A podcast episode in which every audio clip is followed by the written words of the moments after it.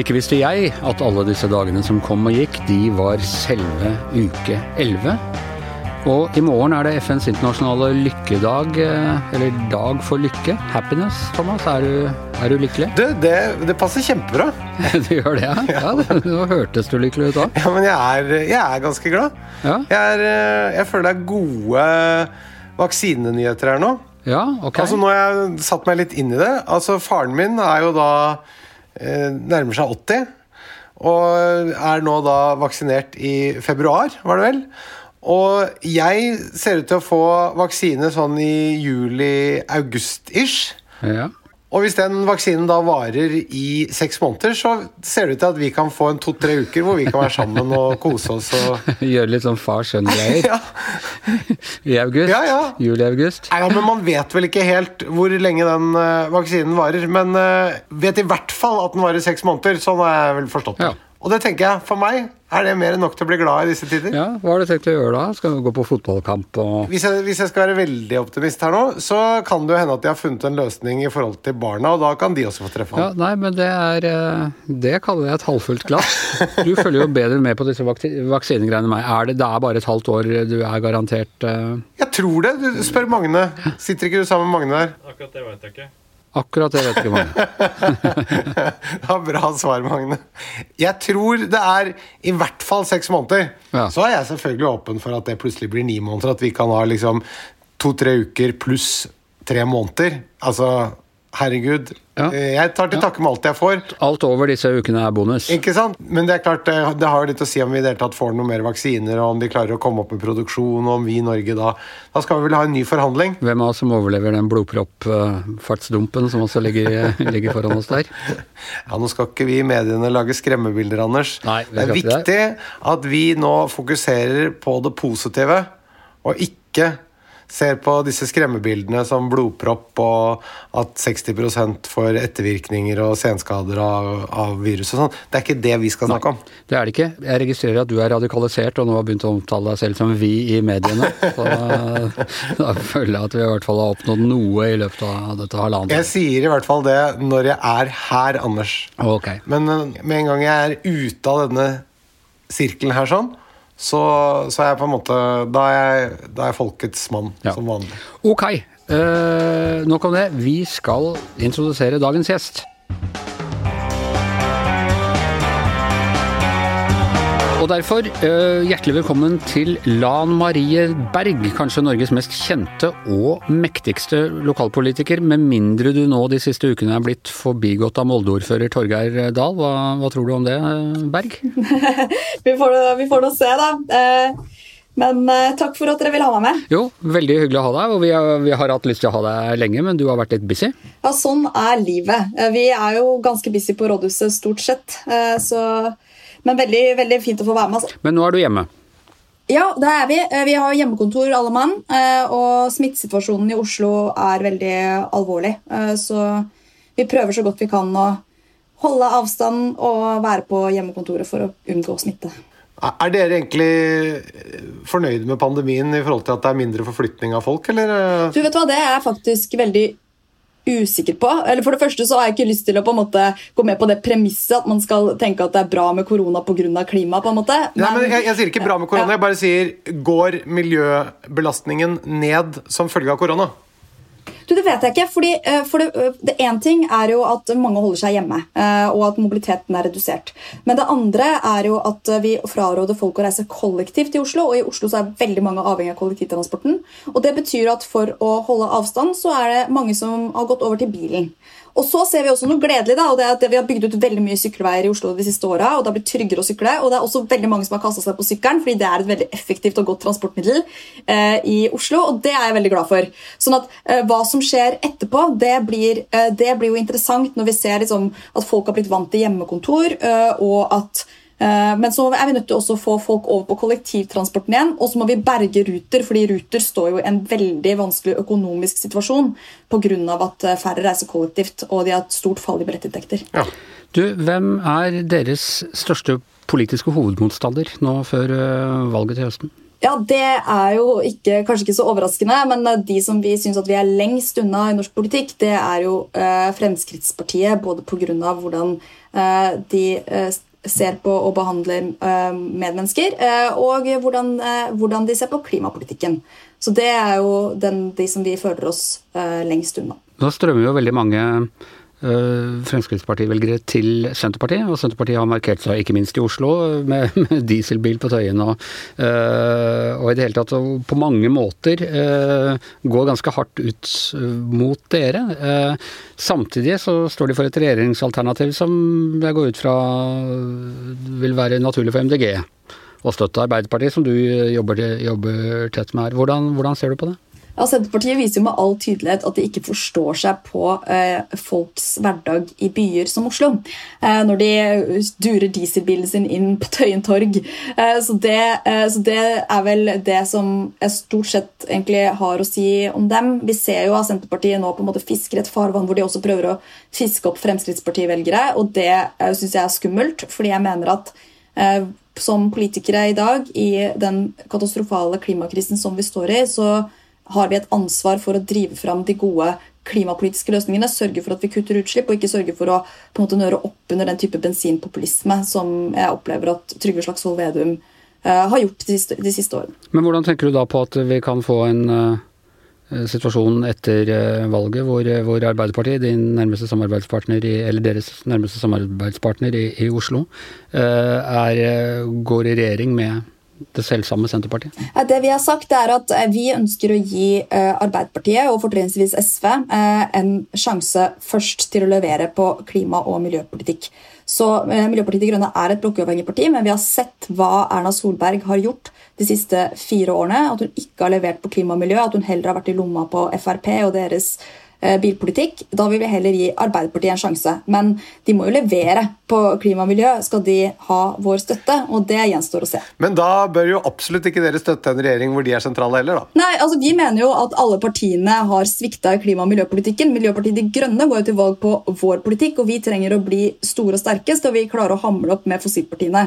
Eh, men, da, eh, men, men det er det jo velgerne som bestemmer. Så det er velgerne som også vil kunne avgjøre hva slags type gjennomslag vi kan få en eventuell konstellasjon situasjon. Men vi vil som sagt gi Arbeiderpartiet og rød-grønn side eh, en sjanse først.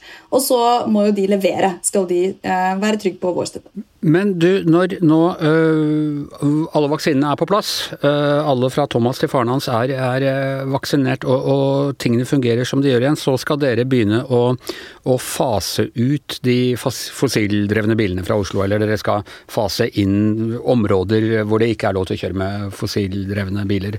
Og det skal dere begynne med allerede til neste år? Ja, det arbeidet. Du smiler veldig bredt når jeg ja, sier det. Ja, Jeg gleder meg jo veldig til at Oslo blir en by uten klimagassutslipp eh, og med renere luft og færre biler. Eh, så jeg blir jo veldig glad av å tenke på det. Eh, og så er vi jo allerede i gang. Vi har jo holdt på de siste fem-seks årene siden Miljøpartiet De Grønne kom inn i byrådet, og nettopp med dette arbeidet gjør det dyrere å forurense og billigere og bedre å reise og bevege seg på en miljøvennlig måte. Og så det er vi, arbeidet er vi i full gang med. Og Det betyr at det må bli sånn dyrere i bomringen, og det har blitt veldig mye dyrere å f.eks. kjøre en dieselbil gjennom bomringen i rushen i Oslo. Um, og så må vi gjøre det enklere å reise kollektivt og satse på kollektivtransporten. det, Gi flere avganger og bedre tilbud osv. Uh, og så må vi gjøre det enklere å sykle og gå i byen. Og da får vi en bedre by til sammen. Så det er jo en del av det, det arbeidet som jeg er i gang med. Men hva skal skje med dinosaurene, altså de gamle fossile bilene? Uh, hvor skal de bli av? Det er folk som har kjøpt seg det bare nå i år eller i fjor. Hvor skal de forsvinne? Ja, Heldigvis har de aller fleste som kjøpte seg en ny bil i fjor, um, i, um, i, Oslo, de kjøpte seg jo en elbil, og det er bra. Og så var det jo noen som kjøpte fossilbil, og det skal vi prøve å unngå. fordi i 2030 så skal alle biler som kjører i Oslo være på null utslipp. Det er vi jo et tverrpolitisk, en, stor tverrpolitisk enighet om. At vi ønsker at Oslo skal være en nullutslippsby da. Eh, sånn at, eh, Men da, da, er det sånn at det er jo fortere jo bedre, er det ikke det? Ja, det er det. Fordi vi har veldig dårlig tid. Vi vet jo at verden har ni år på seg på å kutte halvparten av utslippene i ja, verden. Ja.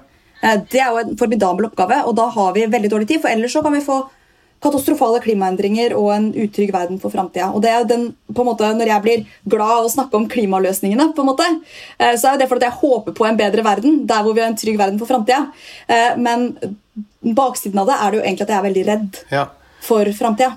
Men, men får jeg spørre, er det sånn at, er det sånn at det er bedre for verdens klimasituasjon at jeg nå bestiller en Tesla med en gang, og så, eh, og så Hva skal jeg gjøre med den dieselbilen, da? Nei, Det beste er jo at du finner en måte å reise miljøvennlig i hverdagen på, avhengig av hvor du bor og hva slags kollektivtilbud og andre tilbud som du har. Men jeg skjønner, og det er jo eh, helt enig, så det er egentlig med utgangspunkt i klimakrisen at vi spør om hvor vi skal gjøre av de dieselbilene, men her blir det litt arbeidsdeling, da, da politikerne legger til rette for hva vi kan kjøpe, og så får vi velgere vi får ordne med hvor vi skal gjøre av bilene. Er det sånn du tenker? Ja, Problemet har jo vært motsatt egentlig over mange år. At politikerne har lagt til rette for at folk skal kunne kjøre bilene sine mange steder. Man har bygd ut motorveier. eh, Man har, eh, Frp har kjempet stadig for at det skal bli billigere å kjøre fossilbil eh, i, i Norge. Og det, det gjør jo at man gir det motsatte insentivet. da. Men vi vil jo gi insentiv for at det nettopp skal være enkelt å velge miljøvennlig og dyrere å forurense, sånn at vi får beveget oss i den retningen at vi får flere og flere elbiler eller bedre og bedre kollektivtilbud i Norge. Og det ser vi at eh, skjer, men det skjer ikke raskt nok. Så Det er også noe av bakgrunnen for at vi håper at vi gjør et bra stortingsvalg da, til høsten. Og der har jo dere øh, på en måte dere har imponert med den der viljen til å gjennomføre ting som er større enn det jeg egentlig kanskje trodde det var. Når, øh, når, øh, når et parti kommer til makten, så har man jo av og til en tendens til å liksom bli litt mer flegmatisk i forhold til øh, en del av valgløftene sine. Men de som kanskje har fått aller mest ut av dere, det er jo syklistene. Syns du at de forvalter de gavene de har fått av dere på en forsvarlig og god måte? Syklistene i Oslo? Du vet hva, Jeg syns at de aller fleste gjør det. Eh, og så tror jeg jeg skjønner hvor du vil hen. og det er at Noen syklister de eh, eh, oppfører seg ikke så bra som man burde, f.eks. om man sykler på fortau eller andre steder. Men det vi ser i Oslo, er at det er en voldsom økning i antall syklister. Fordi at det nå er tryggere, det oppleves tryggere å sykle i Oslo. Vi har fått flere sykkelveier. Og så mener jeg på en måte at grunnen til at man kanskje har hatt en dårlig sykkelkultur før har jo vært at syklisten har vært en sånn paria i trafikken. Man har ikke hatt et sted å bevege seg. Det har ikke vært i veibanen, det har ikke vært på fortauet. Nå får syklister mange steder et sted å gå, eh, klare retningslinjer for hvordan de skal bevege seg i trafikken på en god måte. Og da må vi også forvente at flere og flere blir flinke til å ta hensyn. da. Fordi at når syklister sykler på fortau, så er syklister den eh, eh, harde trafikanten, eh, og da må man ta hensyn. Man må faktisk eh, sykle i gangfart og ta hensyn til fotgjengerne rundt seg. Og det tror jeg ganske mange syklister ikke er klar over. Dere er jo del av en global politisk bevegelse, og har, det har vist seg veldig effektivt i eh, de store byene. Og de er blitt eh, eh, i større og større grad bilfrie, og jeg tror liksom de aller fleste egentlig er ganske fornøyd med det. Men hvordan implementerer man dette på landet? Altså I Norge hvor vi bor såpass spredt, områder hvor det ikke går tog, og hvor det ikke er passasjergrunnlag eh, nok for, for at det skal gå busser hele tiden. Hvordan skal folk komme seg rundt eh, og samtidig opprettholde den eh, spredte bosetningen som vi tross alt ser på som en ganske viktig verdi i Norge? Da må vi sørge for et, et sammenhengende nett av hurtigladere rundt om i landet, sånn at det er mulig å kjøre elbilen sin på lange strekninger. Og så må vi sørge for gode insentiver for hjemmelading. For at det som er fordelen da, ved å bo eh, på, eh, spredt eller eh, på landet eller i mindre tettbygde strøk, er at veldig mange bor i egne hus og egne garasjer. Der kan man også lade elbilen sin, og elbilen får jo mer, bedre og bedre rekkevidde. Så på mange måter så har de enda bedre rammevilkår da, enn mange som bor i gamle blokker i Oslo, kanskje uten egen garasje engang, eller eh, kanskje med et veldig gammelt elanlegg. Og så må man prøve også for de som f.eks. bor i sånne blokker i Oslo som har et uh, gammelt elanlegg og ikke kan etablere ladeplasser for bilene, så har vi øh, etablert støtteordninger uh, gjennom Klimafondet i Oslo for at de sameiene kan oppgradere elanlegget sitt og kunne få ladeplasser for bilene. Så her er det, det er mange løsninger man kan finne, men jeg tror at det finnes gode løsninger, spesielt med de elbilene som nå har fått bedre rekkevidde, og som også kommer til en rimeligere pris. Uh, også uh, på, uh, i distriktene. Så det, her tror jeg vi kan finne gode løsninger for alle, men da må man jo tørre å satse på det. Men da ser du for deg en, en løsning hvor det er liksom privatbilisme, men, men med da fornybar energidrevete privatbiler i distriktene, altså kollektiv i, i byene?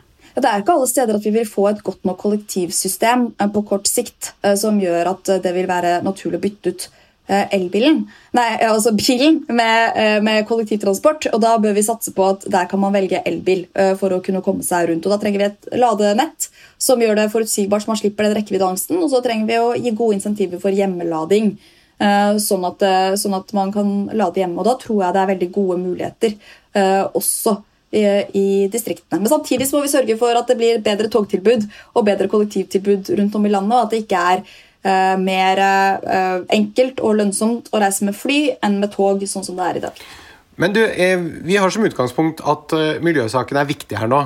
Men eh, jeg bare lurer på Tenker dere noen ganger på at eh, det noen ganger kan haste litt vel mye med å innføre tiltak som senere kanskje viser seg å ikke va være så helhetlige og godt uttenkt som de burde vært, og at man dermed heller svekker miljøet enn å gavne det i det store bildet? Ja, Nå ble jeg plutselig litt usikker på om du sikter til noe spesifikt. Ta dieselbilene. altså Man ble jo oppfordra til å kjøre dieselbil for 15 år siden av den rød-grønne regjeringen, ikke sant? Ja, Det er ganske mange år siden, og det var jo åpenbart en feilvurdering. Men eh, jeg tror at veldig mange av de dieselbilene som da ble kjøpt, de begynner nå å på en måte gå ut på dato. Eh, men... Så sånne, sånne, feilskjær som skjedde da de anbefalte dieselbil, det, det, kommer ikke til å skje igjen? Det er ikke noe dere driver med? Ja, Vi vil i hvert fall gjøre vårt beste for å ikke gjøre slike feilvurderinger. Men man kan jo ikke vite, og utfordringen med, den, med dieselbilen var vel om man trodde at det skulle bidra til lavere klimagassutslipp. Man tok ikke høyde for at det ville bidra til økt luftforurensning. Eh, og det var dumt, fordi vi har store problemer med luftforurensning, og vi har hatt store problemer med luftforurensning fra dieselbiler i byer som Oslo. Du, En siste, uh, siste politisk spørsmål. Uh, og dette er en sånn litt enten-eller, som jeg vet dere politikere ikke er så veldig glad i. men hadde du vært villig til å inngå en avtale om full stopp av CO2-utslipp fra i morgen, samtidig hvis du til gjengjeld måtte si det måtte være full stopp i all innvandring? Det er jo et idiotisk spørsmål. Du får full stopp av CO2-utslipp, men du må bytte det mot full stopp i innvandring. Ikke sant? Det er et veldig, et veldig flåste, idiotisk eh, type dilemma. Men hvis jeg hadde fått det spørsmålet huske at Nå snakker jeg... du med flåste, idiotiske mennesker, da. Vi er, ikke, vi, er ikke, vi er ikke, på ditt nivå. Men du må du, Det er det som er med å være politiker. Du må også forholde deg til dumme, flåsete mennesker, for vi er en del av, av velgermassen, vet du. Ja, er det ikke det som er deilig med å være i media? At dere kan få lov til å stille sånne type spørsmål? Ja. Uh, men, nei, men, altså, men, men, hvis det hadde vært et dilemma, uh, noe jeg ikke tror at det hadde vært, så hadde jeg jo uh, ment at det hadde vært riktig å gjøre. Fordi at hvis vi stopper CO2-utslippene og klarer å kutte klimagassutslipp, så blir det færre mennesker som må flykte pga. klimaendringene, og da blir det færre mennesker som vil få et dårlig liv. De fleste har jo ikke lyst til å flykte. De fleste har ikke lyst til å flytte fra hjemmene sine. Men det er ikke bare og... klimaendringer som gjør at de flykter? Eh, men det, er, men det, er, faktisk en god del av de som flykter i dag, som flykter pga. klimarelaterte katastrofer. Så det, er, så det, er, en utfordring. Men helst så skal vi ha begge deler. Vi ønsker å ha solidaritet på tvers av landegrensene og sørge for at de som mister tryggheten og hjemmene sine og blir nødt til å flykte, skal få Eh, et, eh, et, land å komme til og trygghet der. Og så må vi kutte alle klimagassutslippene. Og vi må gjøre begge deler samtidig de neste årene. fordi vi kommer til å få klimaendringer som vil føre til mer flukt på tvers av landegrensene, og vi er nødt til å håndtere klimakrisen. Du, vet du hva? Jeg må spørre om en ting mens, mens vi snakker her. fordi Vi hadde jo veldig hyggelig besøk av mannen din eh, for en stund tilbake.